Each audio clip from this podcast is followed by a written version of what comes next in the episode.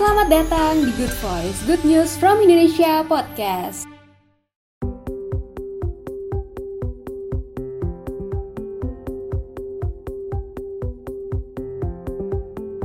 Hai kawan GNFI, Good Voice kembali hadir.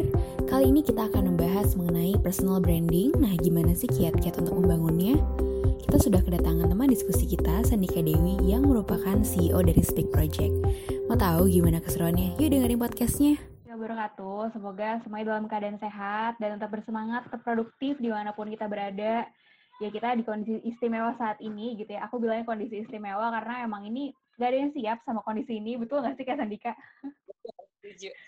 Gak ada yang siap sama kondisi ini. Kita semua bertarung dengan kondisi ini. Kita semua em, nanti bakal keluar jadi orang yang baru mungkin setelah kondisi ini bakal apa ya banyak lebih banyak uh, pengalaman terus mungkin karena lebih banyak skill karena kita di rumah aja nih justru kayak uh, punya waktu lebih gitu ya untuk uh, mengasah skill yang mungkin kemarin belum kita asah gitu ya.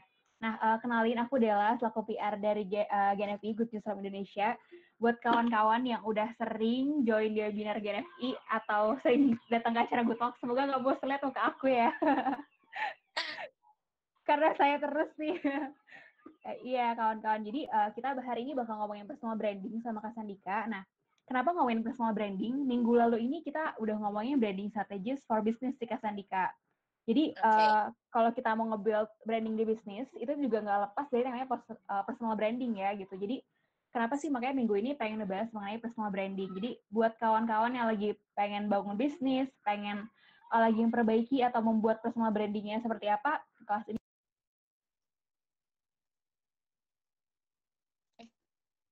Suaranya Del kok nggak ada? udah? Oke, udah. Oke, nah oke. Oke Kak Sandika, aku bakal uh, mulai present PPT Kak Sandika. Sebelum itu Kak Sandika, silakan per- Tadi kamu Suara- suaranya masih- Iya, uh, aku bakal present PPT Kak Sandika. Kak Sandika silakan uh, perkenalkan diri dulu. Oke, halo semuanya kawan GNFI. Senang banget ya akhirnya aku bisa bergabung di sini untuk berbagi tentunya berbagi pengalaman, berbagi yang mudah-mudahan sih ini teman-teman bisa dapat inspirasi. Nah, kenalin aku Sandika Dewi, biasa dipanggil Sandi atau Sandika. Teman-teman boleh temenan sama aku di Instagram @sandika_dewi. Di situ kemarin di di Instagramnya GNFI dan aktivitas aku sebagai MC profesional dan juga sebagai founder CEO Speak Project dan kadang-kadang suka ya, berbagi ilmu seputar tentang public speaking di untuk saat ini kalau kegiatan offline-nya untuk ngisi trainingnya lebih banyak di Jabodetabek tapi waktu itu pernah aku ngisi di beberapa kota yang paling jauh itu di Bangka Belitung ada yang dari Bangka Belitung nggak di sini aku dua kali datang ke Bangka Belitung buat ngisi acara So, nanti barangkali aku akan bisa melipir ke kota-kota teman-teman yang ada di sini. Senang banget tentunya. Oke, itu aja deh perkenalannya karena nanti kita akan ngobrol jauh tentang personal branding. Oke, aku udah kenalan nih by the way. Oke Kak Sandika, uh, monggo aja langsung uh, aku present materi Kak Sandika ya. Oke, siap. Langsung masuk ke materi aja. Jadi nanti uh, buat kawan-kawan yang mau uh, bertanya, silakan di kolom chat ya. Kita juga, aku mau say hi dulu buat yang di YouTube. Hai kawan Genevian dari YouTube. Mohon maaf ya yang belum bisa gabung ke Google Meet. Bisa belajar dari YouTube. Oke, Sandika aku present. Uh, silakan. Oke, thank you Della dan aku juga mau say hi buat teman-teman, buat kawan-kawan GNFI yang ada di YouTube yang nggak bisa join di sini ya. Hai semuanya yang ada di YouTube. Kenalin aku Sandika tuh ya, udah ada tulisannya Hai. Perkenalkan aku Sandika. Nah teman-teman juga bisa temenan sama aku di Instagram. Di situ ada nomor WA aku juga dan email aku di sandikadewirosalini@gmail.com. So sebelum kita masuk ke materi tentang personal branding tuh apa sih dan sebetulnya personal branding itu ngaruh nggak sih sama karir kita, sama bisnis kita, aku atau kalau misalnya teman-teman itu sebagai pekerja di kantoran atau sebagai freelancer, personal branding tuh seberapa pengaruhnya. Nah, nanti kita akan bahas. Tapi sebelum itu, kita boleh ke next slide. Nah, aku mau kenalin dulu nih tentang Speak Project itu apa. Jadi memang aktivitas aku selama ini full time ngurusin Speak Project, terus MC-MC juga, dan uh, banyak kegiatan lainnya yang masih dalam lingkup public speaking. Jadi Speak Project ini adalah sebuah sekolah public speaking, simpelnya gitu kita fokusnya adalah mengangkat skill tentang komunikasi dan digital. Karena dulunya aku kuliah di komunikasi dan memang sebetulnya Speak Project ini adalah impian aku dari kuliah dan dan finally terwujud di tahun 2016. Nah, Speak Project sendiri alhamdulillah sekarang kita bermitra di program Kartu Prakerja punya pemerintah pusat. So buat teman-teman yang lagi cari beberapa kelas, kita lagi buka nih kelasnya bisa langsung follow aja di @speak.project ya. Kurang lebih kayak gitu. Intinya kita banyak banget kelas-kelas seputar tentang uh, apa namanya communication and digital skill. So nextnya uh, Speak Project itu ada apa aja sih di Speak Project? Produk program kelas kita tuh ada banyak, ada kelas MC, ada kelas public speaking, ada kelas jurnalis, ada kelas banyak lah pokoknya all about communication and digital skills sekali lagi. Nanti teman-teman bisa langsung follow aja Instagramnya dan kita juga sekarang punya program live Instagram show. Jadi yang ngisi adalah para alumni Speak Project. Alumninya juga udah banyak dan sekarang student kita juga udah banyak tersebar di berbagai kota yang udah ngikutin kelas kita, baik itu kelas yang kita selenggarain sendiri maupun kelas dari program Kartu Prakerja. Oke deh, itu aja ya perkenalan tentang Speak Project yang di mana aku juga aktif di sini full time ya. Walaupun nggak lagi nge-MC dua bulan ini off job MC tapi alhamdulillah di Speak Project banyak kegiatan. So kita langsung ke next next slide how to build your personal branding nah buat teman-teman di sini aku pengen tanya ya. Jadi kita sifatnya interaktif aja ya teman-teman ya. Kita sifatnya diskusi. Nah teman-teman boleh sambil chat di kolom komentar. Mohon maaf boleh di di situ dulu ya. Oke. Jadi seberapa penting sih personal branding? Teman-teman bisa jawab. Nanti aku bakalan bacain opininya teman-teman. Dan teman-teman, menurut teman-teman tuh personal branding tuh apa sih?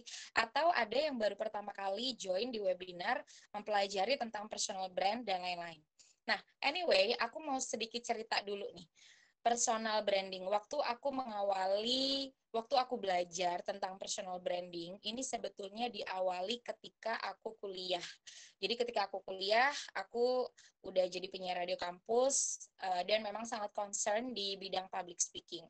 Nah, singkat cerita, di bulan Januari tahun 2010, waktu itu aku bikin Twitter. Nah, Twitterku tuh udah, pokoknya dari pertama kali aku bikin Twitter, aku tuh udah namain Twitter aku at MC underscore Sandika. MC-nya pakai huruf kapital lagi ya, MC underscore Sandika. Padahal pada saat itu bisa dibilang aku jam terbangnya belum sebanyak sekarang lah. Dulu masih MC-nya kalangan kampus atau misalnya acara-acara komunitas dan lain-lain. Tapi karena uh, aku sudah memulai untuk membangun brand aku sebagai seorang MC di tahun 2010 dan ternyata itu tuh bekerja dengan baik gitu loh. Kayak ketika aku dengan PD-nya nulis MC underscore Sandika dulu orang orang-orang yang berprofesi sebagai MC juga nggak sebanyak sekarang. Mungkin yang berani nulis statement dirinya atau di bio-nya sebagai seorang MC juga nggak banyak gitu. Dan dulu ternyata ketika aku tulis uh, namaku MC underscore Sandika itu banyak teman-temanku yang agak ngetawain cie cie MC nih cie cie segala macam tapi justru karena cengan itu akhirnya membuat aku termotivasi oke okay, mungkin nggak apa-apa sekarang agak diketawain gitu kan kayak siapa gue? Siapa Sandika? gitu kan. Tapi aku percaya dengan kita konsisten di bidang apa yang kita pilih karena kan aku memang sudah memilih jalanku untuk menjadi seorang MC dan seorang profesional public speaker itu aku sudah memilih jalan itu sejak SMA dan aku tekuni kuliah kerja dulu jadi penyiar radio dan lain-lain sampai detik ini. So ternyata ketika aku mempelajari tentang personal branding dan ini ternyata sangat mempengaruhi karirku banget sampai sampai di titik sekarang gitu ya. Dan ternyata personal branding ini banyak sekali yang bisa kita explore gitu. Tapi nah nanti ada tapinya nih. Boleh di next ya boleh di next Oke, teman-teman kalau misalnya ada yang punya pendapat tentang personal branding, penting apa nggak penting, atau teman-teman punya opini sendiri, juga boleh langsung tulis di kolom chat ya. Nah, jadi tentang personal branding, teman-teman bisa langsung baca di slide itu, tapi intinya gini, personal branding itu bisa dikatakan sebagai citra diri seseorang. Nah, pertanyaannya adalah, kalau kita pencitraan itu sah-sah aja nggak sih? Nah, kalau menurut teman-teman pencitraan tuh boleh nggak? Boleh atau sah-sah aja? Oke, itu juga boleh teman-teman kasih opininya. Nanti aku juga bakal bacain opini dari teman-teman. Tapi kalau menurut aku gini, namanya kita personal branding, kita membentuk sebuah persepsi orang. Betul nggak sih? Kayak gimana caranya kita ingin dikenal sama orang lain. Kita ingin membentuk persepsi orang yang seperti apa. Karena sebetulnya kita itu bisa loh mendevelop persepsi orang, kita bisa loh menggiring opini orang. Lewat apa? Lewat misalnya channel social media. Di, di social media kita bercerita tentang siapa diri kita dan segala macam. Nah, aku sendiri menerapkan social mediaku di Instagram aku itu 85% adalah isinya memang pekerjaan aku. Uh, yang salah, ini balik lagi ke pencitraan ya. Kalau menurutku gini, kalau menurutku yang namanya pencitraan itu sah-sah aja. Namanya citra berarti positif. Nggak usah kita ya, perusahaan aja tuh punya PR. Tugasnya PR apa sih? Tugasnya PR adalah memberikan uh, atau menaikkan citra perusahaan. So, itu sangat related sekali dengan kita yang profesinya misalnya gini kayak aku tapi profesinya bukan MC kak. Aku profesinya jadi akuntan atau pekerjaan yang ada di balik layar. It's okay nggak apa-apa. Karena sebetulnya personal branding ini bukan ditujukan bagi mereka yang ingin eksis bukan. Tapi ditujukan untuk semua orang yang di mana orang tersebut nantinya tujuan utamanya atau goalsnya itu adalah mereka menjadi seseorang yang expert gitu. Nah, jadi pencitraan itu sah-sah aja. Yang jadi masalah adalah ketika kita melakukan pencitraan yang berlebihan atau misalnya over, kayak kita terlalu kepedean dan lain-lain. Nah, kalau over ini baru uh, di di underline gitu ya, perlu digaris bawahi.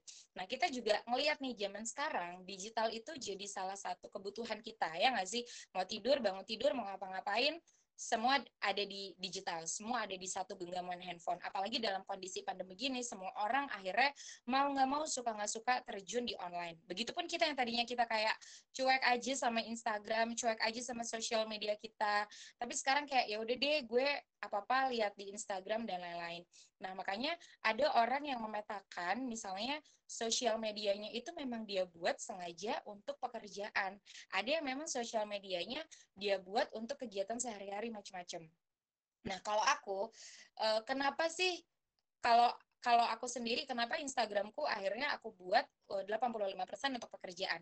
Karena pekerjaanku ini menuntut untuk terus berpromosi, terus eksis. Namanya MC kan. Kalau nggak makin eksis berarti perlu dipertanyakan, oh udah redup nih berarti gitu kan.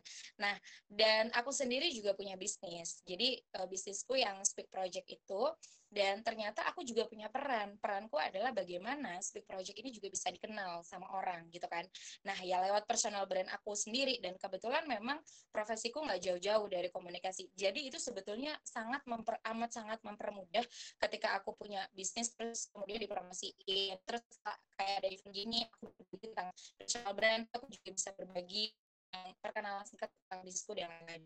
Nah itu ya tadi kenapa dikatakan. Oke, nextnya adalah dan di personal branding ini sebetulnya ada tiga hal yang perlu teman-teman tahu. Yang pertama adalah you, you itu artinya tuh maksudnya kayak diri kita sendiri ya. You itu balik ke kita.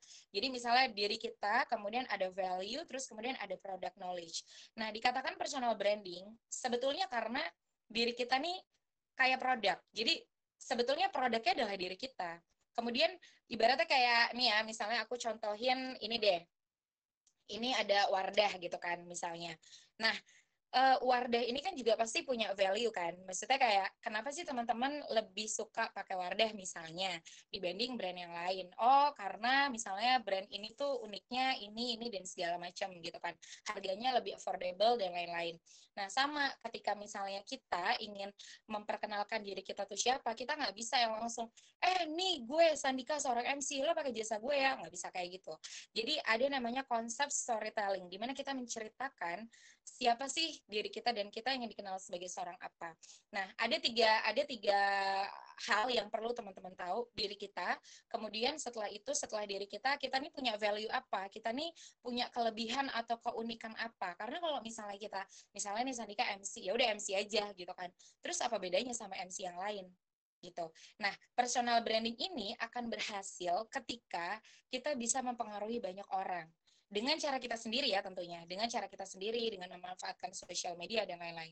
Nah kuncinya di mana? Kuncinya tuh di value, keunikan, keunikan, nilai lebih, terus kayak yang bikin kita dikenang sama orang apa sih? Misalnya nih kalau aku ya, kalau aku tuh uh, dari mulai misalnya nih aku MC yang pakai hijab MC yang pakai hijab juga banyak. Terus apa yang membedakan? Oh jelas, kalau Sandika yang membedakan adalah dengan suara khasnya. Misalnya ya, ini misalnya doang anyway. Dengan suara khasnya. Kemudian kalau misalnya aku pakai jilbab, kalau pada saat MC aku selalu pakai anting di jilbab. Jadi ketika aku post itu di sosial media, dan ketika aku suatu ketika aku nggak post dengan, misalnya aku lagi MC terus aku nggak pakai anting, itu pasti beberapa temanku nanya, ke mana nih antingnya gitu. Berarti persepsi mereka tentang seorang Sandika ketika Sandika perform sebagai MC itu berhasil. Aku berhasil mewujudkan persepsi itu, mentransfer knowledge itu. Nah, kemudian ada yang ketiga yaitu product knowledge diri kita sebagai produk berarti kita harus bisa mendevelop kalau kalau misalnya kayak tadi ya ini misalnya Wardah nih produk knowledge-nya apa oh ternyata Wardah itu dia punya berbagai varian produk kecantikan atau misalnya perawatan kulit dan wajah. Nah, sama nih misalnya kayak kita juga mendefinisikan siapa itu Sandika, kemudian historinya dia apa, track recordnya dia apa, karirnya apa, professional backgroundnya itu apa. Jadi dari ketiga ini akhirnya yang membentuk your personal brand. Di paling terakhir itu ya bulatan yang keempat itu adalah your personal brand. Jadi sekali lagi diri kita, kemudian kita punya value dan kemudian dari value itu kita breakdown lagi tentang diri kita ini sebetulnya siapa aja sih gitu.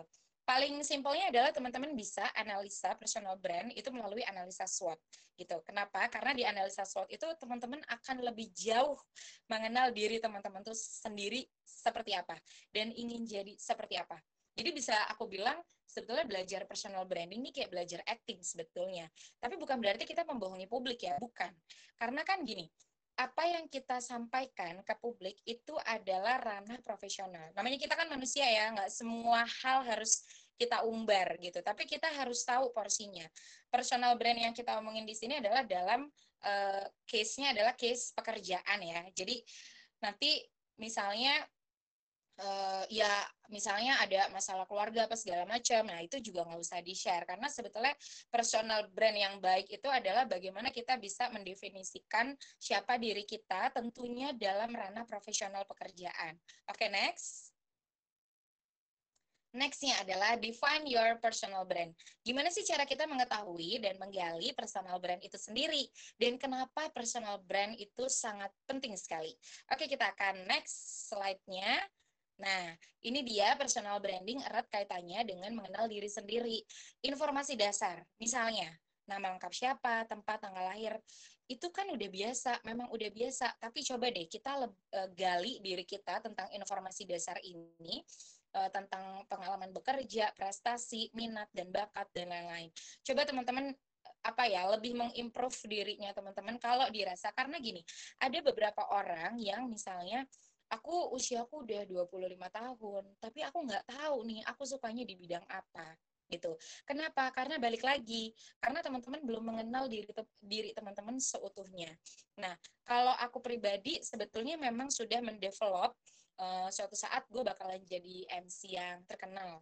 Ya siapa tahu bisa dapat acara bergengsi dan alhamdulillah terwujud di tahun 2018 aku jadi MC Asian Games.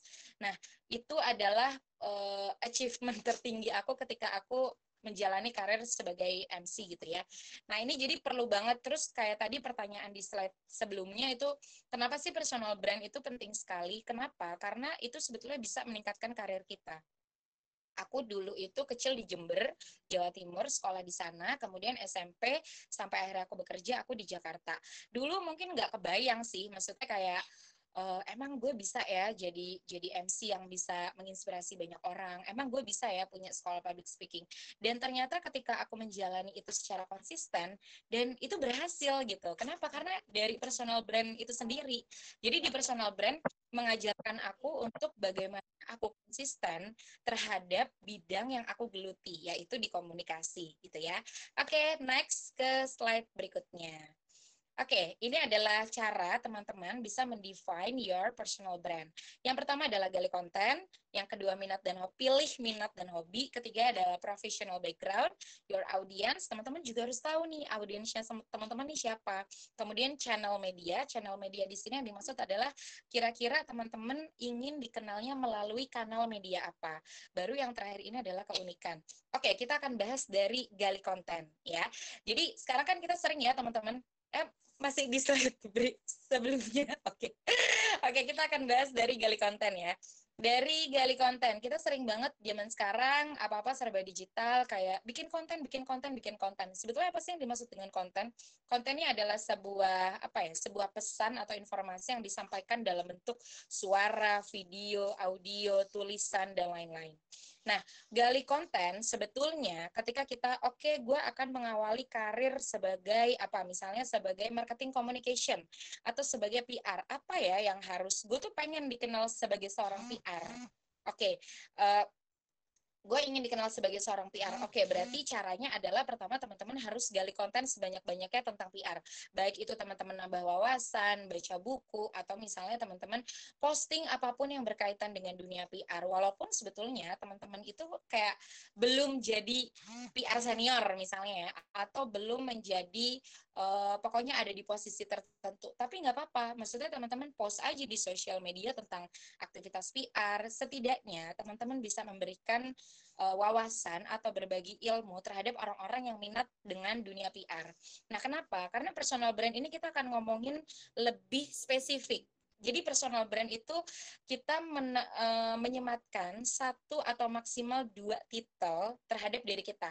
Nggak bisa misalnya oh Sandika iya gue tuh bisa masak gue bisa nyuci baju bisa bersih bersih bisa mengajar terus bisa apa lagi bisa misalnya bikin pembukuan bisa uh, manajemen waktu dan lain-lain gitu kan Terus kita pengen dikenal sebagai apa? Kalau misalnya kayak semua orang bilang, eh kalau ya gue pokoknya pengen dikenal Sandika yang serba bisa, nggak bisa. Karena personal brand itu dia akan lebih mengerucut. Sebetulnya teman-teman positioningnya ada di mana gitu ya.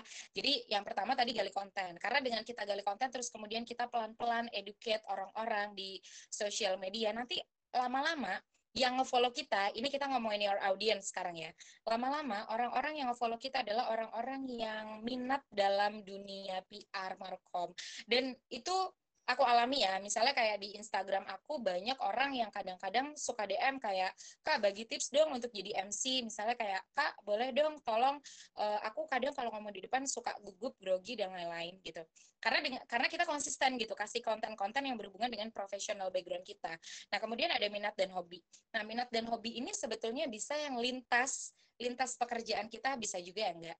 Tapi kalau aku sih ada beberapa minat dan hobi itu yang lintas komunikasi ya. Misalnya kayak aku tuh ya hobinya renang. Yang apa-apa sesekali kita posting di Instagram tentang uh, staycation atau misalnya liburan sama keluarga, hal yang lain-lain setidaknya kita ngisi Instagram kita atau misalnya sosial media kita apa pun itu gitu ya itu nggak yang isinya 100% tentang kerjaan. Terus orang juga lama-lama agak bosen gak sih? Audiens kita juga akan bosen gitu. Nah kemudian selanjutnya kita harus tahu nih audiens kita tuh siapa? Misalnya audiens kita let's say anak-anak muda Nah, berarti kalau anak-anak muda gaya penyampaiannya nggak boleh kaku. Terus kita bikin aja konten-konten snapgram yang lucu-lucu atau misalnya pokoknya konten-konten snapgram yang related dengan pekerjaan kita. Jadi kita kita kalau di personal branding itu kita nggak bisa. Hard selling itu kita nggak bisa. Jadi kita sifatnya soft selling semua. Kenapa? Karena diri kita ini sebagai PR juga. Kita juga yang jadi PR kita juga yang jadi marketing dan lain-lain gitu ya. Terus kita juga punya nilai keunikan yang lebih. Tadi aku juga udah sempat bahas ya yang dimaksud dengan different terus unique value itu kayak gimana. Oke kita langsung next ke slide berikutnya Slide berikutnya ini adalah tools, alat untuk membantu meningkatkan personal brand. Teman-teman sebetulnya bisa pilih salah satu sih. Jadi kayak media sosial, sekarang ada Instagram, Facebook, Twitter, TikTok, ada LinkedIn, ada YouTube, podcast, kayak uh, kayaknya sekarang, zaman sekarang, hampir banyak anak-anak muda yang bikin podcast, ya nggak sih? Terus WhatsApp, Telegram, website. Tapi biasanya kalau website ini biasanya buat orang-orang yang emang punya jam terbang tinggi atau memang orangnya niat banget gitu ya bikin website sendiri.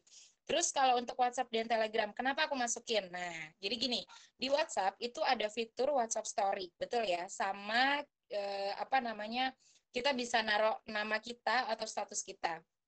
Nah, gimana sih cara kita meningkatkan personal brand? Kita bias kita sebetulnya bisa dimulai dari hal yang simple, misalnya di WhatsApp ya. Jadi kalau misalnya let's say teman-teman temenan nih sama aku di WhatsApp, nanti teman-teman akan melihat nih, itu foto yang aku pasang adalah misalnya foto yang nunjukin kalau aku tuh adalah seorang MC dan lain-lain gitu. Nah, kemudian di nama uh, di nama WhatsApp di nama WhatsApp aku sendiri tuh aku tulis Sandika terus slash uh, dua kali gitu kan at speak.project gitu. Biar apa? Biar orang-orang tuh pokoknya gimana caranya gue membrainstorming orang-orang. Lo kalau kenal Sandika ya udah lo kenalnya sebagai Sandika uh, seorang MC dan profesional public speaker kayak gitu.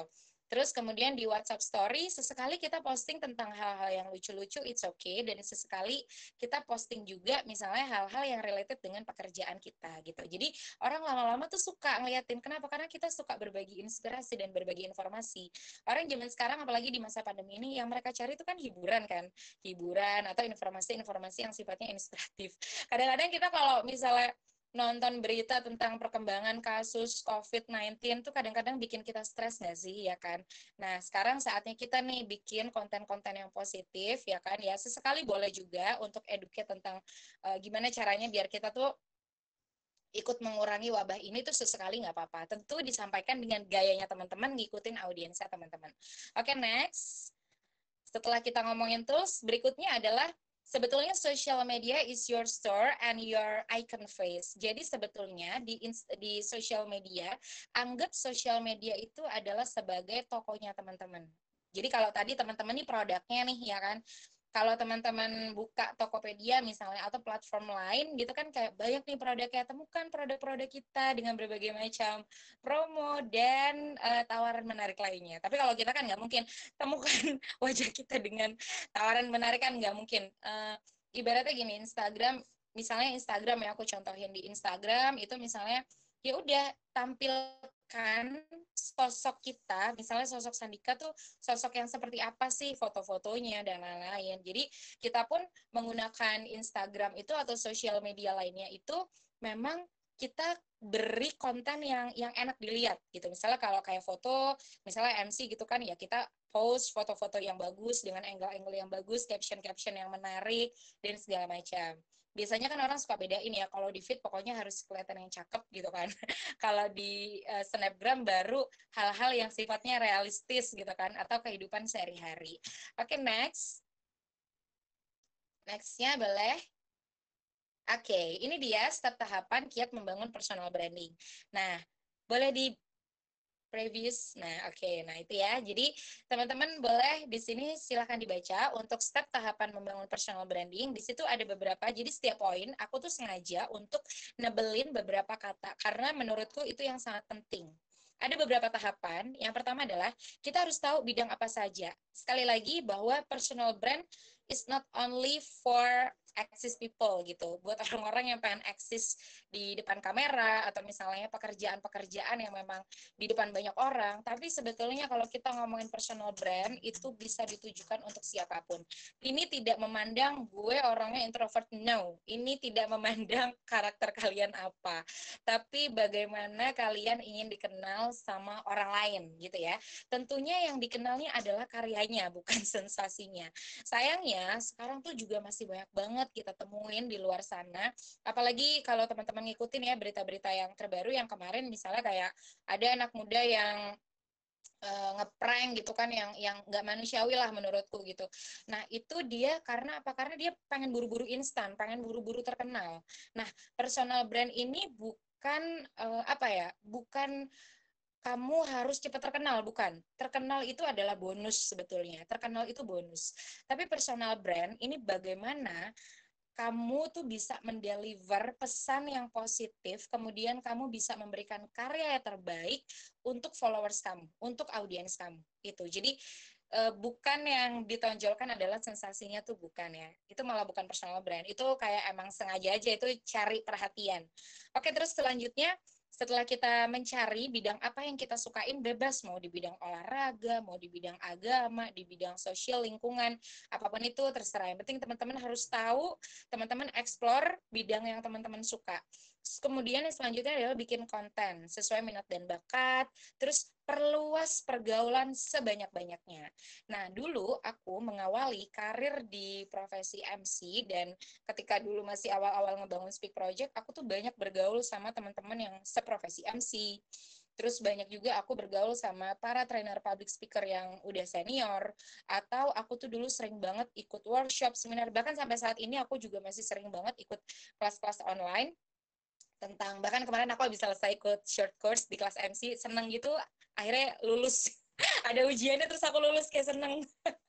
Padahal aku juga bikin kelas MC juga gitu di Sleep Project. Tapi aku sendiri menyadari bahwa hmm, belajar itu nggak ada nggak akan habis gitu. Karena menurutku uh, ketika kita terus belajar gitu ya maka kita akan nambah wawasan dan itu yang akan memperkuat personal brand kita gitu. Jadi perluas pergaulan sebanyak banyaknya jadi kalau teman-teman ingin memulai per, uh, bergaulah dengan teman-teman yang satu satu minat bakat dulu nih.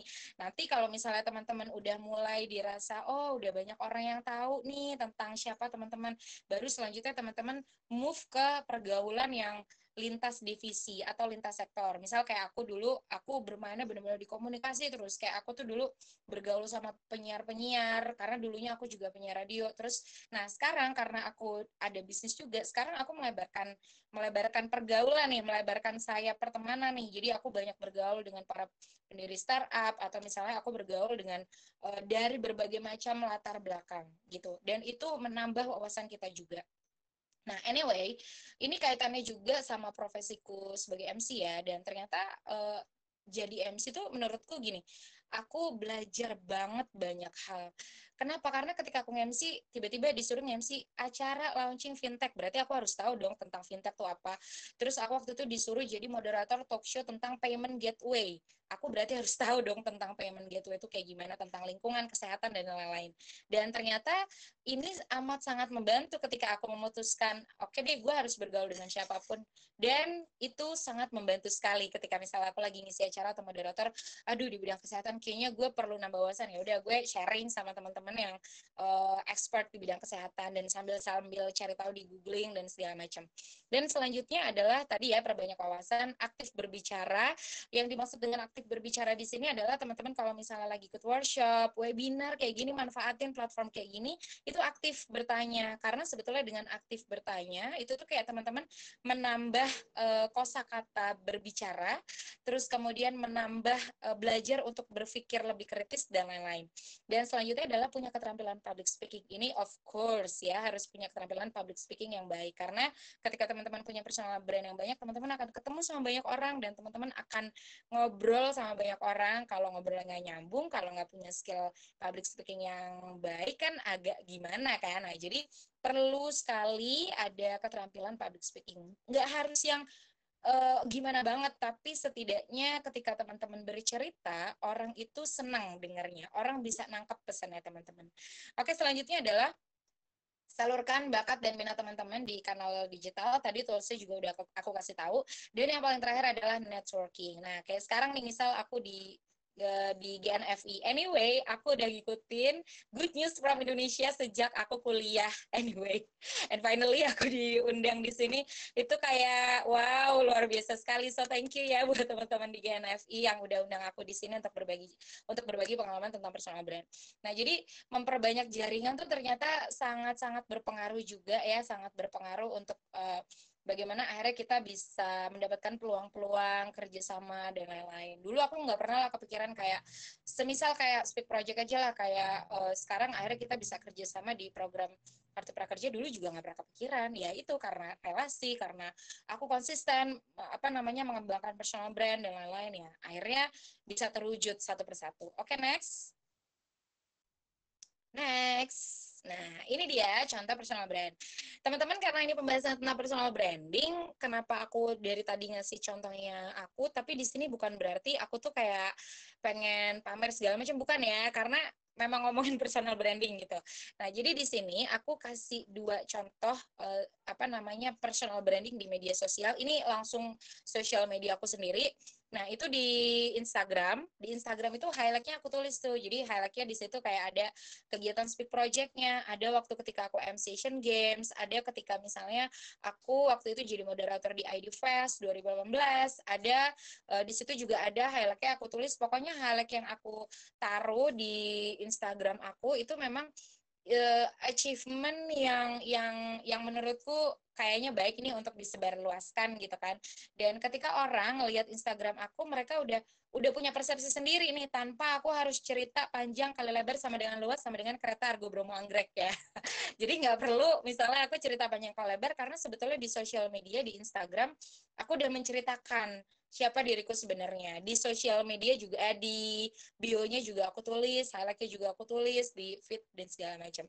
Nah, terus kemudian di sebelah paling kanan itu yang tadi aku cerita, itu di Twitter. Ketika pertama kali aku uh, sok-sokan kayak udah deh gue tulis aja MC Sandika gitu kan ya udah gitu kayak semua orang dulu yang apa sih lesan gitu gitu kan kayak ya aku nggak tahu gitu kan yang penting aku tetap konsisten menjalankan ini semua. Nah, itu tadi di Twitter. Tapi di Twitter aku sekarang lagi aktif, lebih aktifnya di Instagram. Oke, okay, next. Next. Next. Nah, ini dia be unique and be yourself. Tetap ya teman-teman. Teman-teman please uh, banget untuk tetap jadi diri sendiri. Kalaupun teman-teman punya referensi atau misalnya teman-teman punya kayak oh gue ngefans misalnya kalau aku aku suka sama Sarah Sehan, terus aku suka sama Tina Talisa, sama Najwa Sihab, ya udah mereka itu ibaratnya kayak motivator aku gitu. Tapi bukan berarti aku harus jadi mereka tetap temukan keunikan kita dan tetap kita belajar dari orang-orang yang lebih berpengalaman dan jadi diri sendiri itu yang paling penting karena dengan jadi diri sendiri kita bisa lebih enjoy menikmati kegiatan kita dan memperkenalkan personal brand kita secara original, secara natural gitu ya. Oke, okay, next. Next. Nah, ini dia adalah tokoh public figure yang menerapkan personal brand. Jadi, di sini yang aku terapin ini ini tidak ada maksud dan tujuan ya, tapi di sini aku menuliskan uh, profesi-profesi mereka dari berbagai latar belakang. Dari yang paling ujung kiri itu ada Belva, si Orang Guru, ada Pak Ridwan Kamil, ada Bang Zaki, pendiri Bukalapak, ada Maudi Ayunda sebagai aktris, ada Angki Yudhistia sebagai staf khusus presiden penyandang disabilitas, uh, dan yang paling terakhir aku tuh ngefans banget sama Oprah Winfrey karena beliau adalah sosok wanita tangguh, mandiri, dan dulunya Oprah dulunya Oprah Winfrey ini tuh uh, kalau teman-teman ngikutin gitu ya beritanya dia tuh dari keluarga yang broken home dan dia juga dulunya adalah korban uh, korban asusila gitu ya dari ada salah satu keluarganya sendiri tapi akhirnya dia bisa mewujudkan itu semua. Akhirnya maksudnya gini, ketika dia punya mimpi, akhirnya dia mulai tuh belajar tentang ikut-ikut lomba public speaking, ikut-ikut lomba pidato, terus akhirnya menang. Terus dia itu kalau nggak salah wanita pertama yang jadi host dengan punya kulit hitam. Apalagi dia tinggal di US kan dengan rambutnya yang kribo. Pokoknya beda lah dibandingkan host-host pada umumnya. Biasa kan kalau kita lihat host di TV itu kan yang cantik, putih, langsing, tinggi, semampai gitu kan. Tapi dia bisa kok membuktikan dengan orisinalnya si Oprah Winfrey ini sampai akhirnya Oprah Winfrey ini uh, dia berhasil membuat kanal media kalau nggak salah namanya Oprah Media Group ya kalau nggak salah. Jadi dia tuh sebetulnya sudah banyak memberikan influence ke banyak wanita nggak cuma di negaranya aja tapi di dunia. Jadi dari situ aku melihat bahwa sebetulnya untuk kita bisa berkarya, kita nggak harus untuk jadi orang lain. Kita bisa jadi diri kita sendiri. Fisik atau kekurangan apa pun, atau ya misalnya kayak Mbak Angki gitu kan yang nggak bisa dengar, tapi itu bukan halangan kita untuk tetap berkarya, untuk tetap gali potensi kita tuh apa, dan kita bisa memberikan kebermanfaatan untuk banyak orang. Oke, okay, next. Dan ini kalau nggak salah slide yang terakhir. Nah, ini slide yang terakhir. Di sini di slide terakhir ini aku mau uh, apa namanya berbagi sedikit ya rangkuman dari personal branding yang tadi sudah aku sampaikan. Personal branding untuk membangun sebuah personal branding ini tidak kita harus menghargai namanya proses ya. Jadi kita jangan pernah uh, berharap untuk singkat ya gue tuh udah sering loh ngepost di sosial media gue coba udah nawarin nih bisnis gue atau misalnya uh, gue udah coba nih gali diri gue selama sebulan dua bulan tapi kok orang belum kenal gue ya nggak bisa kayak gitu. Karena uh, untuk mewujudkan dan meningkatkan personal brand ini tidak tidak dilakukan dalam waktu yang singkat, tapi dilakukan dengan proses yang panjang, dengan konsistensi. Di situ makanya kenapa aku tulis yang warna hijau dan biru, ada proses, ada konsisten, ada kompetensi, dan terakhir adalah attitude. Tentunya ketika kita misalnya punya skill yang bagus, uh, atau misalnya kita punya, misalnya kita jadi orang yang pintar gitu kan, tapi kalau kita nggak dibarengin sama attitude yang bagus, itu juga salah banget. Jadi memang personal brand ini mengajarkan kita untuk bagaimana kita menjadi manusia yang santun, memanusiakan manusia, gitulah bahasaku ya. Oke, nah itu tadi dia pemaparan aku tentang personal brand. So, buat teman-teman yang pengen tanya atau berbagi opini, silahkan ya. Thank you. Thank you, Della. Yes, oke. Okay. Thank you, Kak Sandika. Uh, sudah berbagi. Ini udah banyak banget pertanyaannya di kolom chat. Terima kasih teman-teman yang sudah banyak bertanya. Wow, gitu. Gimana, Kak? Eh, ini kita ya. tepuk tangan dulu ya buat Kak Sandika. Yeay, tepuk tangan virtual ceritanya karena materinya keren gitu. Dan ini uh, cukup aplikatif buat kita nih kak gitu. Jadi gimana cara bangun personal branding, gimana cara bangun personal brand yang kuat gitu. Nah, uh, tapi kak aku mau nanya dulu nih sebelum uh, ke pertanyaan teman-teman ya. Uh, gimana sih kak kalau misalnya kita kan ini tadi kak Sandika jelasin ini mau bangun personal branding, tapi gimana cara ya kalau kita mau ganti persona baru nih kak atau mau punya personal branding yang baru gitu kak? Oke, okay.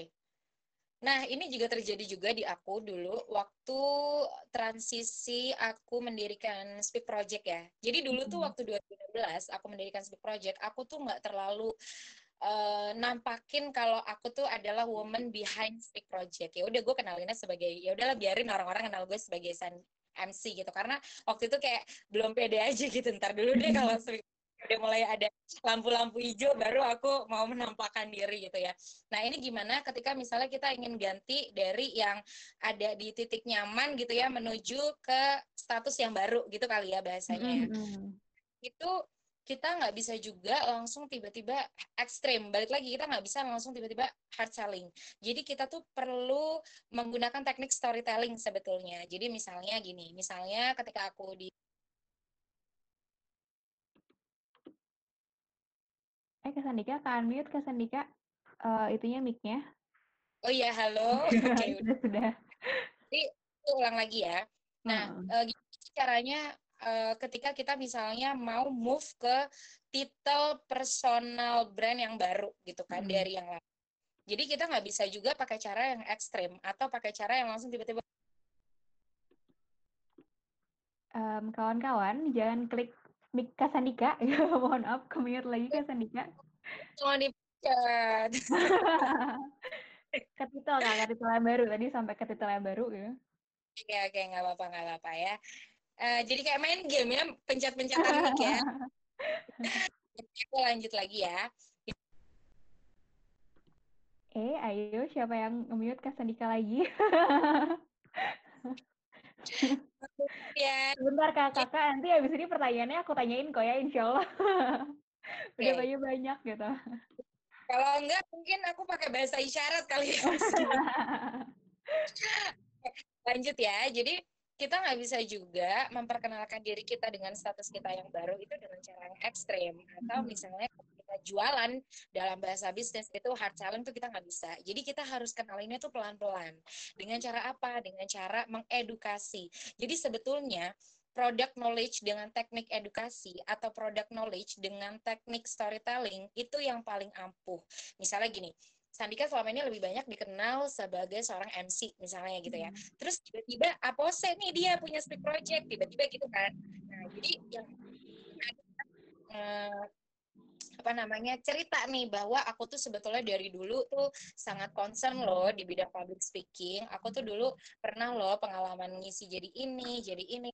Akhirnya karena inspirasi tersebut aku melihat banyak permasalahan anak-anak muda, anak-anak mahasiswa yang kenapa sih mereka kalau presentasi masih baca makalah, kenapa ah, sih mereka iya, iya untuk belajar presentasi, belajar menyampaikan sesuatu karena ini ilmu ini tuh akan sangat uh, berguna apa namanya? Ya. Berguna dan terpakai ketika nanti sudah yeah. bekerja.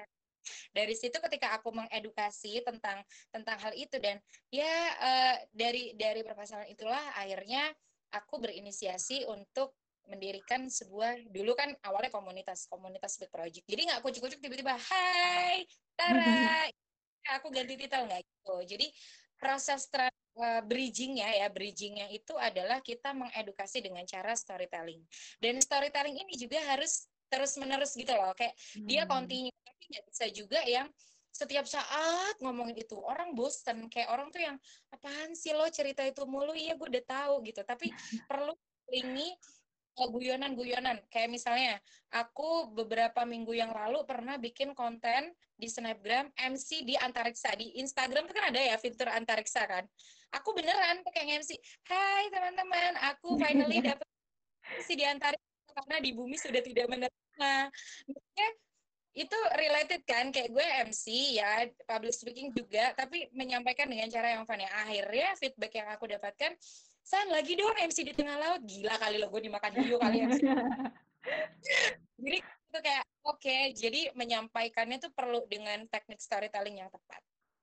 Oke. Okay. gitu Um, nah, Kak, itu kan tadi kita bangun uh, apa namanya personal brand baru pakai proses gitu ya. Nah, gimana caranya juga kita tahu kalau personal brand yang udah kita bangun ini berhasil nih, Kak, gitu.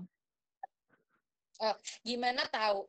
Uh, taunya tuh adalah ketika misalnya kita itu sering dapat feedback dari orang-orang. Simpelnya kayak gitu. Jadi misalnya hmm. gini, uh, kita misalnya aktif di satu organisasi gitu ya. Oh ya, sama teman-teman ini juga penting sekali ketika teman-teman ini tips juga buat teman-teman yang ingin meningkatkan personal branding. Teman-teman tuh harus aktif di organisasi karena organisasi ini yang akan jadi bekal kita kayak batu loncatan gitu loh biar kita berkarya. Hmm. Aku itu ketika aku aku tuh emang anaknya dari zaman sekolah aktif ya anaknya suka ikut organisasi dan lain-lain. Nah, ketika misalnya dulu aku sudah lulus kuliah, aku masih aktif tuh komunitas. Terus di komunitas itu kalau ada event, aku tuh kadang-kadang suka bercanda. Jadi aku ngomongnya nawarin diriku sebagai MC juga nggak yang eh ini dong pakai jasa gue dong. Enggak aku bercanda aja. Kapan nih ada acara? Boleh kali gue jadi MC-nya boleh deh. Gitu-gitu kayak ngomongnya bercanda gitu karena dari situ akhirnya ketika misalnya teman-teman tahu eh MC udah Sandika aja udah Sandika aja. Sandika mah kalau dikasih mic juga anaknya udah seneng gitu kan misalnya. Nah dari situ lama-lama orang akan tahu. Kenapa? Karena ketika kita berorganisasi dan apalagi misalnya organisasi itu sering bikin acara gitu ya. Terus kita misalnya say ada kolaborasi dengan komunitas yang lain gitu. Nah di situ ketika kita perform orang tuh ngelihat secara nggak sadar sebetulnya kita tuh mempromosikan diri kita. Nah dari situ ketika dilakukan continue orang tuh bakalan oh ini Sandika yang MC ya. Nah uh, aku tuh beberapa kali ya jalan ke mall itu tiba-tiba ditegur sama orang yang ternyata juniorku terus gue terus gue lupa gitu ya kalau itu kalau mohon maaf bukan bermaksud gimana gimana karena posisinya gini, posisinya uh, semakin ke sini aku semakin ketemu sama banyak banget orang-orang dari yang mulai ngisi acara dan lain-lain. Nah itu tadi terkenal itu bukan bukan tujuan utama ya, terkenal itu bonus sebetulnya. Nah ketika misalnya aku ketemu sama orang, eh hey, Sadika apa kabar? Kan gue nggak mungkin tiba-tiba yang lo siapa yang ada langsung bohong banget gitu. Nah aku pernah ketemu kayak gitu jalan sama temanku di mall tiba-tiba ada orang nyamperin aku eh Kak Sanika apa kabar? Ya ampun Kak Sanika nanti kapan-kapan ngisi lagi ya. Terus gue tuh yang otak gue masih mencerna nih gue ketemu orang ini di mana ya. Aku langsung gitu oh, kabar baik kamu gimana kabarnya? Dengan muka yang harus acting gitu kan oke nih orang udah excited ketemu gue masa gue nggak excited sih gitu. Ntar aku baru deh eh iya kemarin kita acara apa sih? Aku agak-agak lupa deh gitu kayak sok-sokan gitu kan. Jadi dari situ uh, kita juga ngerasa oh gila ya orang akhirnya mulai kenal gue ya gitu. Nah hmm. itu akhirnya kayak memotivasi aku juga untuk oh berarti gue harus terus nih jam terbangnya harus dibanyakin. Oke. okay.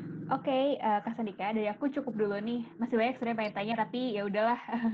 kita move ke teman-teman di kolom chat gitu. Ntar mereka ngamuk sama aku takutnya. Pertama dari Alvan Malang, Kak, bagaimana yes. cara maksimalkan public speaking di tengah pandemi seperti ini? Mengingat saat pandemi ini jarang sekali kita berinteraksi dengan orang secara langsung. Oke, okay. uh, eh, Dela, tapi aku sebelumnya boleh minta izin nggak? Tadi kan aku janji tuh bacain opini mereka. Aku bacain satu opini dulu oh, ya. ya boleh, boleh, boleh, boleh. Siap, siap. Hmm, di sini aku akan bacain. Ini ada dari Pasha Fitra ya, dari Pasha Fitra. Personal branding penting dan bisa menjadi alat bagi kita untuk mempermudah kolaborasi diri dengan orang lain dan Benar. bisa menjadi diri kita di hadapan banyak orang. Oh, setuju sekali. Thank you ya. Oke, kita akan jawab pertanyaan. Tadi pertanyaannya adalah gimana sih cara kita untuk bisa memperdalam skill public speaking gitu ya? Di tengah masa di... pandemi ini gitu ya. Ini, wah jangan sedih saya. Di masa pandemi ini sebetulnya bukan jadi halangan kita untuk terus latihan.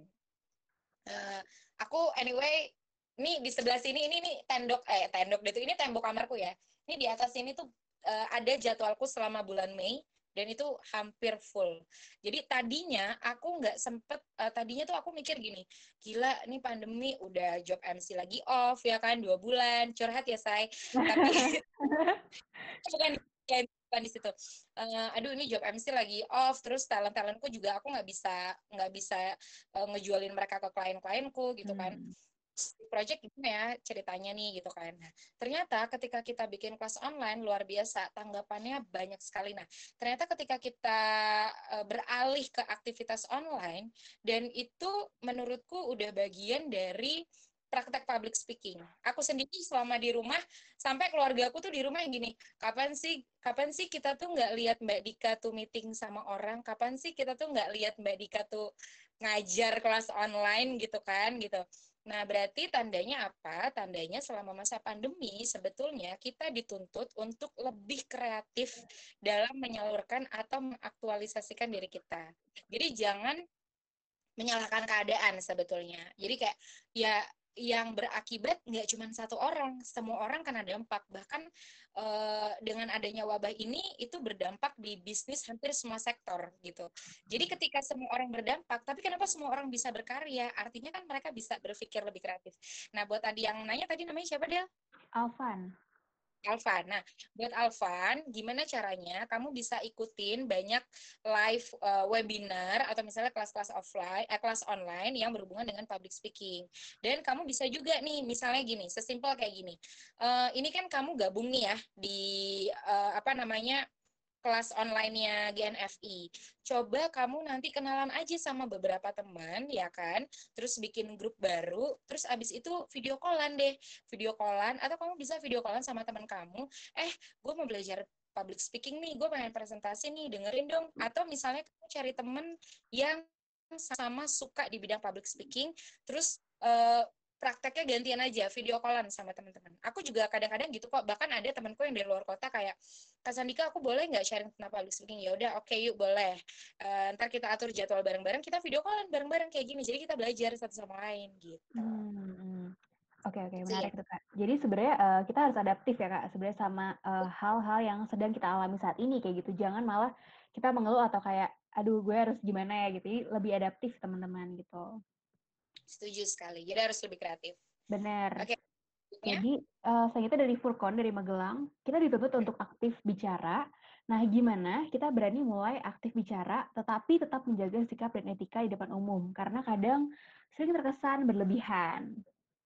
Oh, oke. Okay caranya adalah ketika misalnya teman-teman memang sebetulnya gini ya kalau kita ngomongin public speaking memang memang tidak dipungkiri lebih efektif itu ketika offline gitu kan. Tapi ya lagi online gini ya udah apa pun yang ada di depan mata kita jalanin gitu kan. Aku kasih contoh ketika offline ya ketika misalnya nanti pandeminya udah selesai terus gimana ya caranya Hal yang paling simpel yang bisa teman-teman lakukan adalah ketika teman-teman menghadiri sebuah workshop, seminar, apa pun, biasanya kan moderator bilang, oke nanti kita akan buka sesi pertanyaan ya buat teman-teman yang mau bertanya, silahkan. Tentunya tunggu aba-aba dari saya sebagai moderator, misalnya kayak gitu. Nah, ketika moderator bilang kayak gitu, teman-teman itu usahakan untuk nanya, nggak apa-apa, walaupun misalnya, kok pertanyaan gue kayaknya stupid banget ya, nggak apa-apa. Maksudnya, setidaknya teman-teman belajar untuk menyampaikan sesuatu melalui skill berkomunikasi. Kenapa? Karena sebetulnya ketika kita nanya di forum yang mohon maaf ini kita nggak kenal ya orang-orangnya. Kadang-kadang kan kayak ada pressure tersendiri gitu loh. Iya iya benar-benar gila gue nanya nih terus semua orang liatin ya emang diliatin mohon maaf saya. Karena kan banyak orang nih pasti diliatin gitu. Nah dengan latihan bertanya ketika misalnya ada acara itu sebetulnya sudah belajar untuk menguatkan mental dan belajar menambah kosakata belajar untuk berpikir kritis. Karena sebetulnya di public speaking kita nggak cuma dituntut untuk jago ngomong tapi kita dituntut untuk mengimprovisasi mengembangkan memperbanyak kosakata dan berpikir kritis serta mendengar.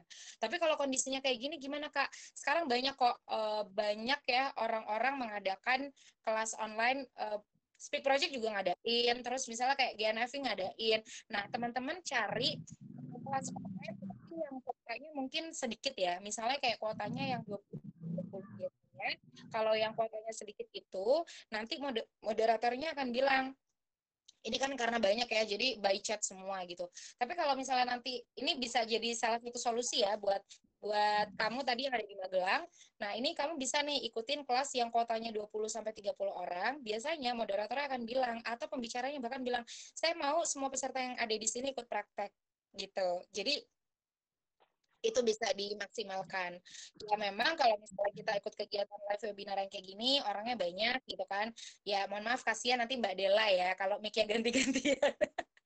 Karena banyak. Gitu. Ya benar. Banyak kok orang yang bikin kelas online dengan kuota uh, sengaja dibatasin gitu ya.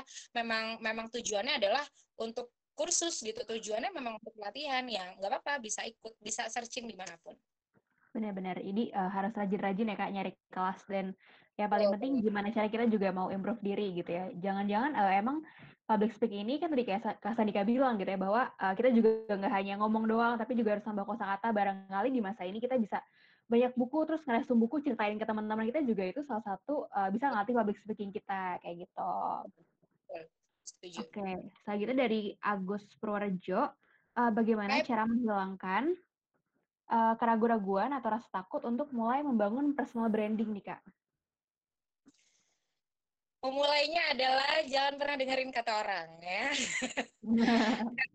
orang itu membuat kita akhirnya jadi ragu-ragu. Sebetulnya ragu-ragunya kita tuh apa sih? Karena kita tuh takut sama orang lain. Seriously. Hmm. Aku bisa ngomong kayak gini karena aku dulu ngalamin.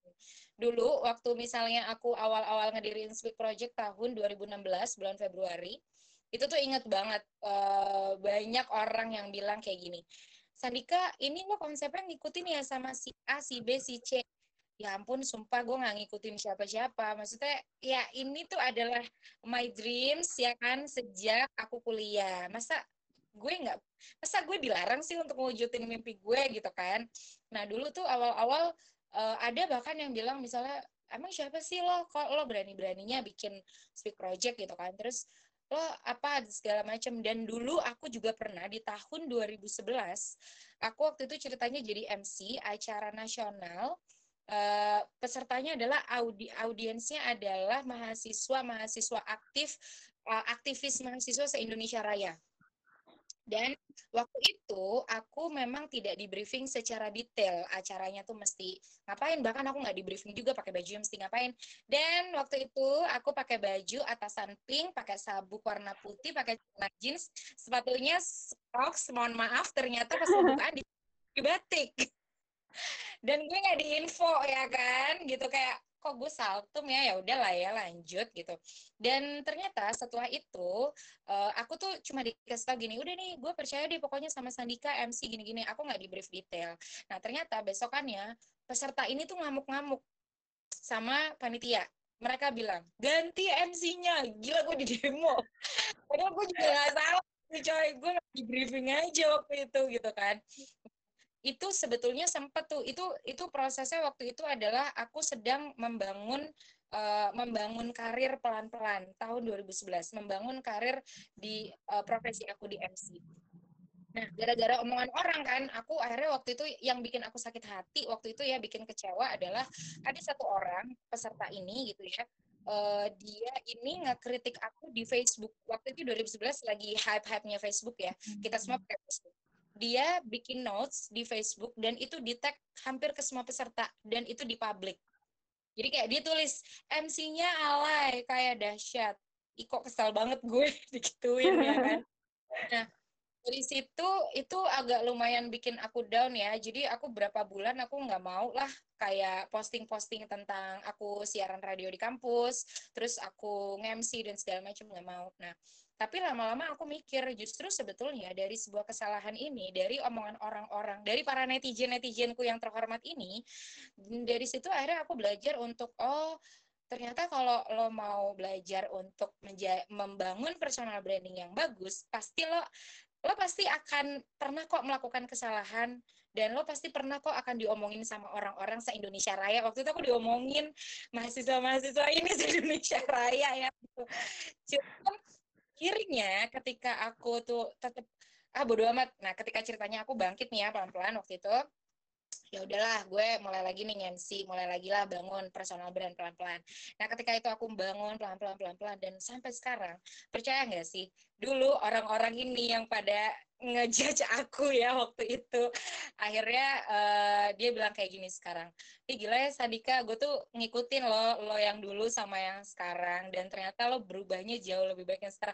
Ya kali itu tuh berkat kalian guys. Jadi sebetulnya netizen ketika kita tuh nggak karena sebetulnya mereka tuh kayak sebetulnya mereka tuh sayang sama kita tapi kadang-kadang penyampaian mereka tuh agak nggak hati gitu kan. Gitu sih. Jadi keraguan-raguan itu timbul karena sebetulnya kita takut diomongin sama orang. Jadi menurut aku selama itu positif dan tidak berlebihan ya asal nggak over it's okay go ahead nggak masalah kok gitu. Ntar kalau ada yang salah-salah dibenerin dikit-dikit gitu. Setuju setuju. Uh, ini sih kak aku jadi mau cerita dikit nih kak. Jadi tuh dulu sama kayak Kak Sandika gitu. Aku juga uh, nge-MC waktu zaman-zaman kuliah gitu ya. Terus sampai sekarang masih, tapi nggak seaktif Kak Sandika gitu ya. Aku pernah salah kostum juga. Waktu itu diundang ke uh, apa namanya ke sebuah acara. Dia bilang acara semi formal malam ya Del gitu. Oh ya udah pakai dress rapi, dah.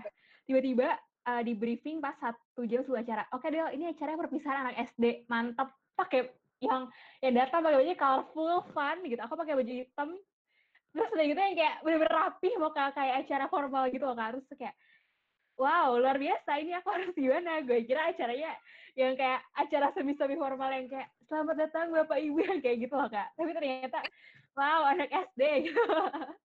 Agak kaget juga.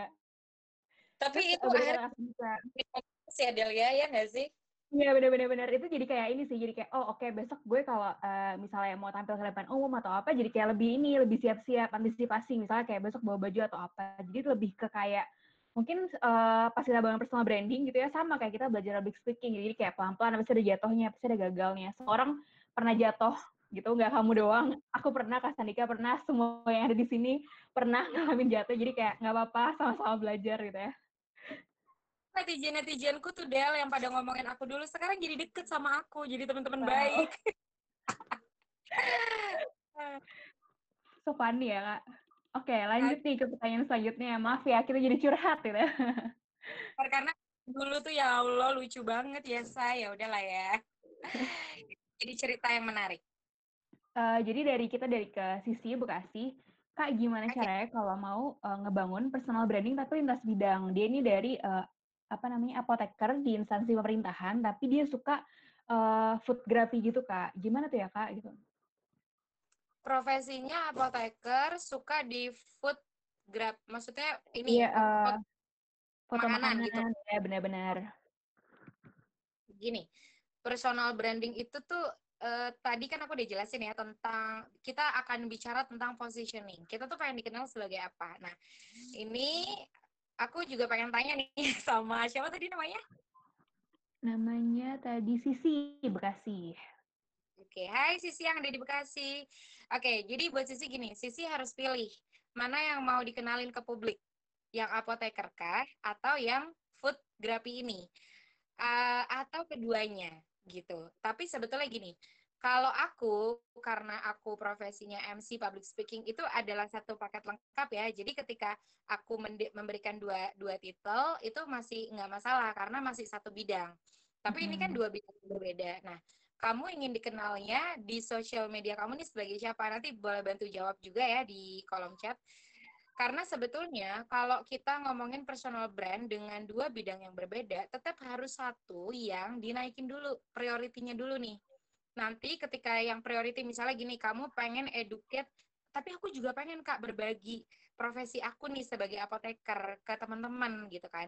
Nah, kamu bikin konten atau gali konten atau kamu bisa kan kayak sekarang nih masa pandemi, eh gue mau bikin acara ah di live IG gue bikin aja namanya apoteker show. Ya nggak sih? Belum ada kan tuh ya apoteker show. Kamu menghadirkan para apoteker apoteker dari seluruh Indonesia ya. Kalau misalnya kamu punya ya teman-teman apoteker di seluruh Indonesia eh nanti kita bikin live IG yuk. Nanti kita akan ngomongin tentang uh, apa sih namanya uh, sebetulnya antara misalnya cara bikin obat itu kayak gimana? Misalnya kalau gue pengen bikin bisnis skincare itu tuh harus ada ingredientsnya tuh apa? Itu kan berhubungan dengan apoteker juga gitu karena itu juga bisa. Jadi sebetulnya kamu juga bisa kayak misalnya kamu prioritinya adalah apoteker. Ya kamu akan bercerita tentang apoteker. Nanti sesekali kamu post tuh selipan-selipannya tentang hobi kamu yang kamu suka banget fotoin makanan gitu. Karena ada juga gini ada orang yang misalnya gini dia kerja di kantor let's say sebagai finance. Tapi di Instagramnya sama sekali dia nggak cerita tentang finance. Dia ceritanya malah misalnya tentang dia jadi model ya kan? Atau misalnya di, dia dia aktif di pageant. Itu ada yang kayak gitu.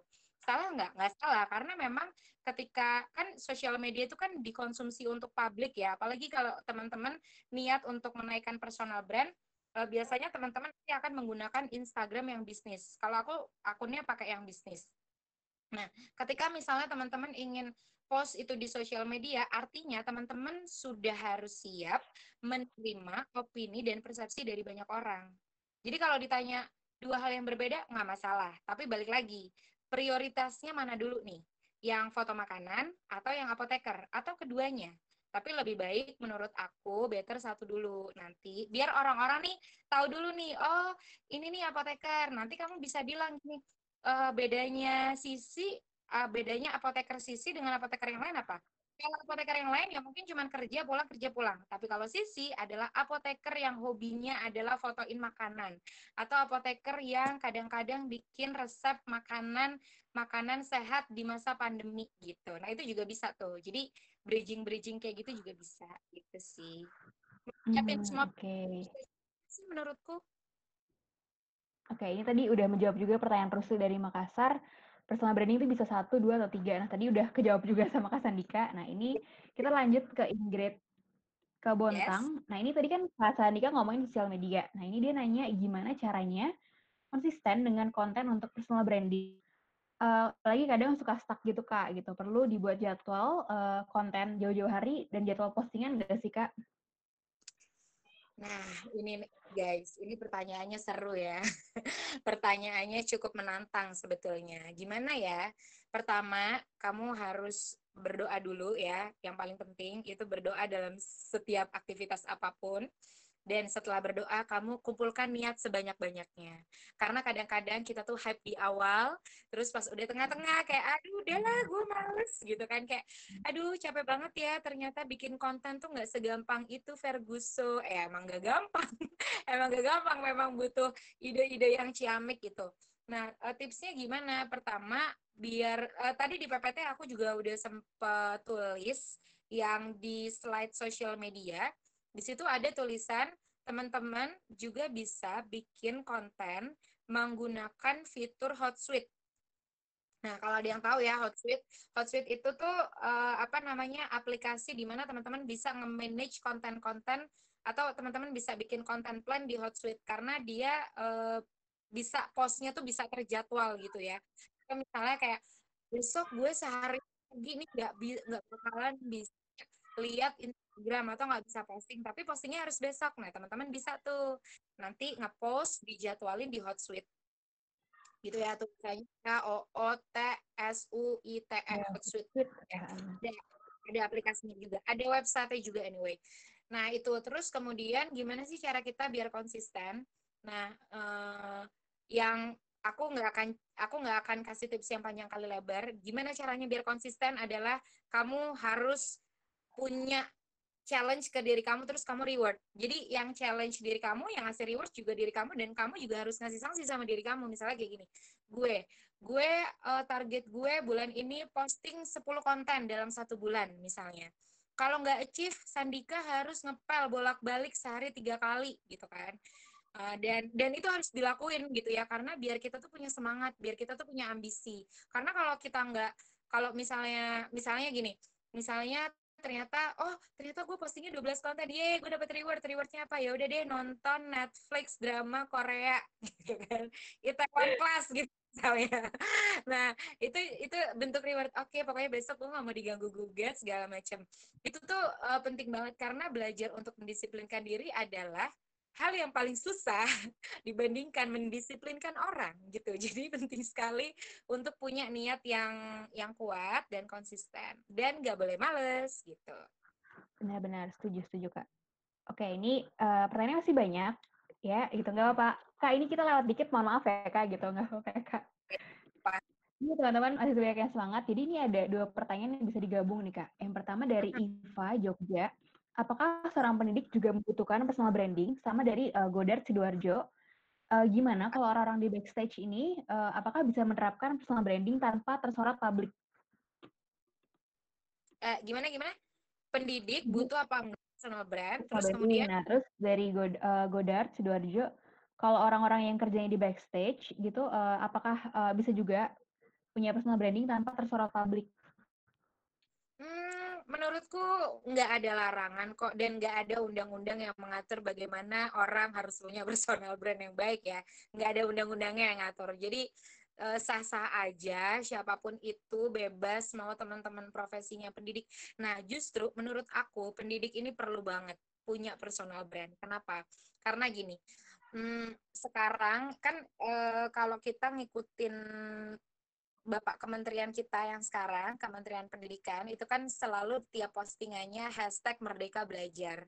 Terus kita juga kita juga tahu dalam kondisi pandemi ini, misalnya banyak sekali kayak laporan-laporan, aduh di rumah ternyata yang punya yang punya anak atau keluarga gitu kan sekolah di rumah kayak duh gurunya nih cuma bisa ngasih PR doang tapi nggak ada bimbingan apa segala macam. Nah ini sebetulnya saatnya masa dalam kondisi kayak gini di mana semua orang serba online ini menurutku waktu yang tepat untuk sebagai seorang pendidik, guru, dosen apa pun itu kalau misalnya dirasa ingin mencurahkan isi hatinya melalui storytelling atau mis misalnya memperkenalkan uh, jadi seorang pendidik itu nggak semua orang kayak gitu loh misalnya kan jadi guru itu juga nggak nggak nggak semudah itu loh. Kita tuh ada ininya ada nah itu diceritain. Karena gini karena eh, orang-orang itu gampang justifikasi karena tidak ada informasi yang valid gitu.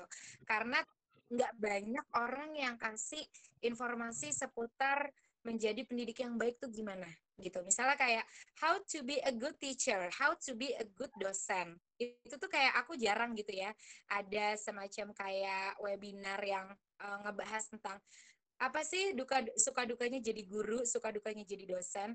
Nah, menurutku itu bagus banget karena uh, zaman sekarang untuk untuk ngedidik anak zaman sekarang ya aku aku bukan seorang guru bukan seorang pendidik tapi yang bisa aku sharing gini anak-anak zaman sekarang tuh kadang-kadang suka pinter ngebalikin sesuatu benar nggak sih karena dia tuh secara bebas mengakses apa pun informasi yang ada di YouTube, Google dan lain-lain. Nah, kadang-kadang guru ini suka dibikin kelimpungan. Nah, caranya ketika kita bisa dekat dengan siswa kita, kita bisa tuh menggunakan personal branding kita, menggunakan sosial media kita, itu untuk lebih dekat dengan para murid-murid kita. Kadang-kadang guru perlu uh, memerankan dalam posisi kalau gue jadi siswa gimana ya gitu. Dan tapi tetap punya rules-rules yang tertentu tapi tetap punya SOP SOP sebagai seorang pendidik yang baik itu gimana? Gitu. Karena eh, anak-anak uh, zaman sekarang itu mungkin mereka tuh kayak kekurangan sosok nggak sih? Kayak kekurangan hmm. sosok mereka. Jadi ini penting sekali para guru, para dosen, please untuk uh, improve your personal branding di sosial media teman-teman. Nggak ada larangan, malah ini adalah waktu yang tepat. Hmm. Terus tadi yang di backstage, misalnya jadi kru event atau misalnya jadi uh, apa pun gitu kan yang ada di backstage, itu nggak apa-apa juga karena uh, kadang kalau kita ngomongin event itu selalu orang-orang yang ada di depan layar yang dipromosiin gitu ya. Tapi orang-orang yang di belakang layar nih enggak padahal event itu bisa sukses karena berkat dukungan teman-teman yang ada di backstage. Ya nggak sih? Kayak Benar, jadi gitu kan. Pernah nggak sih kayak bikin webinar how to be a great liaison officer? Itu juga nggak masalah gitu kan. Terus misalnya kayak gimana sih cara kerja behind the scene event ini? Nah itu nggak apa-apa. Jadi sebetulnya buat teman-teman yang belajar di eh buat buat teman-teman yang belajar salah maksudnya buat teman-teman yang sedang aktivitas atau bekerja di di behind the stage itu nggak apa-apa juga untuk naikin personal branding. Karena sekarang menurutku semua orang bisa akses apa pun dan sekarang itu udah saatnya untuk kita memperkenalkan kepada anak-anak muda di luar sana memperkenalkan profesi kita masing-masing. Nggak hanya profesi yang oh gue mau jadi youtuber karena duitnya banyak. Sekarang tuh orang jadi salah kaprah gitu loh ya. Menurutku tuh orang sekarang jadi salah kaprah gitu gue pengen sesuatu karena duit. Itu salah banget. Yang benar hmm. adalah main gue kan hasilkan karya yang produktif. Balik lagi terkenal tuh bonus duit bonus. Dulu waktu aku uh, awal-awal karir di MC juga nggak yang aku tuh dulu pernah pengalaman dibayar nasi kotak terima kasih nggak diucapin terima kasih juga pernah nggak dikasih makan juga pernah dulu tuh ya. Sampai akhirnya sekarang uh, istilahnya udah jadi yang profesional gitu. Nah itu tuh semuanya uh, dilalui dengan apa ya de dengan proses gitu. Jadi menurutku perlu juga orang-orang tahu uh, bahwa untuk menjadi orang yang misalnya teman-teman ingin aktif di sosial media gitu ya. Jangan terpaku ya Allah like saya dikit gitu kan. Ya Allah yang visit Instagram gue nggak banyak gitu. Jangan gitu maksudnya harus gimana ya gue memproduksi konten yang positif. Karena dengan mindset kita yang kayak gitu kayak kita punya mindset gue harus berdaya berkarya bermakna. Ini punya rumah milenial ya komunitas kita nih promosi jadinya gitu uh, mindsetnya harus mindset berkarya masalah duit belakangan masalah terkenal yeah. itu bonus setuju, bisa setuju banget. setuju banget ya jadi aku sama Kak Sadika satu organisasi saat ini guys ya gitu Oke, Kak Sandika, ini karena pertanyaan masih banyak sekali dan aku tidak bisa menjawab atau menanyakan semuanya. Mohon maaf lahir batin kawan-kawan. Yes. Ya, ini ada pertanyaan terakhir nih, uh, ini sih Kak, dari Kak Angel Bandar Lampung. Kak Sandika, boleh nggak sih share eh, buku-buku rekomendasi terkait dengan bidang yang kakak geluti dan buku yang menurut kakak bagus dibaca saat membangun personal branding? Sebentar ya, pas banget. Di atas saya ini ada buku. dan aku langsung ke kalian. Nah, this is bicara itu ada seninya ya. Hmm. Jadi buku kosong kosong nyari bunyinya. Atau lo orangnya bawel berarti lo jadi MC nggak semua orang bawel bisa jadi MC nggak semua orang cerewet bisa punya punya skill public speaking yang baik. Tapi gimana bicara seninya silakan dibaca ya bukunya ini. Ini cara bicara itu ada seninya rahasia yang efektif. Ini karyanya Osuyang nah ini bagus banget karena ini adalah dosen dan pakar komunikasi terkenal di Korea Selatan ya. Ini sekali lagi ya guys, bukan karena aku pecinta buku Korea, karena memang bukunya bagus ya. kan bisa baca buku ini. Nanti kalau ada yang pengen lebih detail bisa tanya di Instagram aku di @sandika underscore dewi. Nah selain itu ada juga kemarin buku itu terapi berpikir positif. Aku lupa karyanya siapa gitu. Itu juga uh, bestseller juga. Bukunya kalau nggak salah international bestseller. Terapi berpikir positif karena belajar personal branding itu nanti ada kaitannya tuh sama kita berpikir positif. Terus bagaimana kita hmm. give positive vibes ke orang-orang itu juga ada kaitannya. Nah jadi kita juga harus memperbanyak referensi-referensi. Dan aku juga walaupun ya maksudnya gini walaupun aku tuh udah alhamdulillah gitu ya MC di mana-mana dipercaya sama banyak klien tapi aku tuh juga masih belajar gitu nih. Aku juga belajar nih aku punya buku MC ini dikasih sama temanku. Ini temanku yang nulis bukunya uh, namanya Fauzina Rwenda belajar Street Smart Master of Ceremony. Aku juga belajar. Jadi sebetulnya ketika kita sudah ada di titik tertentu ya, kalau aku sih kalau aku ngerasanya gini, aku ngerasanya aku tuh masih masih panjang lah prosesnya tuh aku masih panjang. Ya karena aku prosesnya masih panjang, aku terus untuk belajar tanpa henti gitu ya. Mm-hmm. Itu tadi buku yang aku rekomendasikan ya, tiga buku yang aku rekomendasikan silahkan dibaca di rumah. Siap, siap. Oke. Oke, Kak Sandika, ini udah lewat hampir 20 menit. Maaf lahir batin Kakak gitu. Oh Ya, iya, oke. nanti uh, foto buku rekomendasinya katanya boleh nggak Kak di drop di IG. Nanti silakan Kak Sandika kalau mau bikin IG story, ntar teman-teman langsung mampir aja ke IG Kak Sandika ya gitu. Oke Kak Sandika, uh, terakhir ada closing statement nggak Kak buat kawan-kawan GNFI di seluruh uh, kota di Indonesia, di seluruh daerah di Indonesia? Oke, untuk teman-teman yang ada di seluruh daerah, kita tahu bahwa kondisi saat ini memaksa diri kita untuk tetap stay di rumah. Tapi sekali lagi kita tidak boleh menyalahkan keadaan karena semua orang terkena imbasnya dan please banget teman-teman sekali lagi untuk kita ikuti aturan pemerintah, kita akan bisa kembali aktivitas normal lagi kalau kita bisa mendisiplinkan diri kita. Kalau nggak penting-penting banget, mending di rumah aja. Walaupun teman-teman bosen ya kan, aku tahu karena aku juga pernah merasakan bosen ya. Tapi teman cari uh, alokasiin kebosanan itu dengan banyak kegiatan ya salah satu contohnya ini ya aku ngerasa bahwa dua bulan kayaknya aku nggak berasa deh kenapa karena itu tadi kayak aku selalu mencari aktivitas-aktivitas yang bisa menghilangkan rasa kebosanan. Dan buat teman-teman yang sedang berjuang untuk bisa uh, apa namanya belajar tentang personal branding, belajar tentang public speaking, silahkan untuk gali ilmunya sedalam-dalamnya, jangan pernah berhenti dan jangan pernah dan jangan pernah uh, apa sih namanya selalu berkata impossible atau misalnya teman-teman dengerin kata orang. Karena sebetulnya satu satunya orang yang percaya sama mimpi kita adalah diri kita. So, kita harus tetap semangat mewujudkan mimpi kita karena dengan kita percaya sama mimpi kita maka semesta akan mendukung. So, good luck untuk semuanya. Tetap stay at home dan tetap sehat-sehat di rumah. Nanti kita temenan ya di Instagram. siap, siap, siap. Alhamdulillah. Terima kasih banyak uh, kawan-kawan GNFI yang udah menyaksikan nih webinar ke-10 apa ke-11 ya? Oh, 11 ya GNFI. Jadi kayak uh, tiap minggu kita webinar. Jadi semoga nggak bosen liatnya saya lagi, kawan-kawan ya, nge-host di sini. Nah, uh, buat kawan-kawan, semua uh, kita juga benar kata Kak Sandika, kita ada di posisi yang sama, tapi gimana caranya kita sekarang gotong royong, bahu-membahu untuk membantu sesama, Uh, jangan lupa kita juga baca informasi positif, baca di webnya GNFI, goodnewsfromindonesia.id gitu ya. Bisa baca di situ gitu, atau bisa juga di follow di at GNFI, itu banyak banget informasi positif dan banyak banget yang masih apa ya harus kita lihat atau informasi yang bisa kita dapat selain uh, masa istimewa saat ini gitu ya gitu kayak misalnya makanan apa yang paling hits di daerah ini gitu dan lain-lain. Nah teman-teman bisa kunjungi aja langsung dan uh, terakhir mohon maaf lahir batin teman-teman kalau ada salah-salah selama proses uh, perjalanan ini tadi proses kelasnya berlangsung. Uh, mohon maaf kalau ada kurang-kurangnya nanti insya Allah materinya aku share di grup. Jangan left grup ya yang udah join di Google Meet. Uh, Kak Sandika sekali lagi terima kasih banyak sudah join.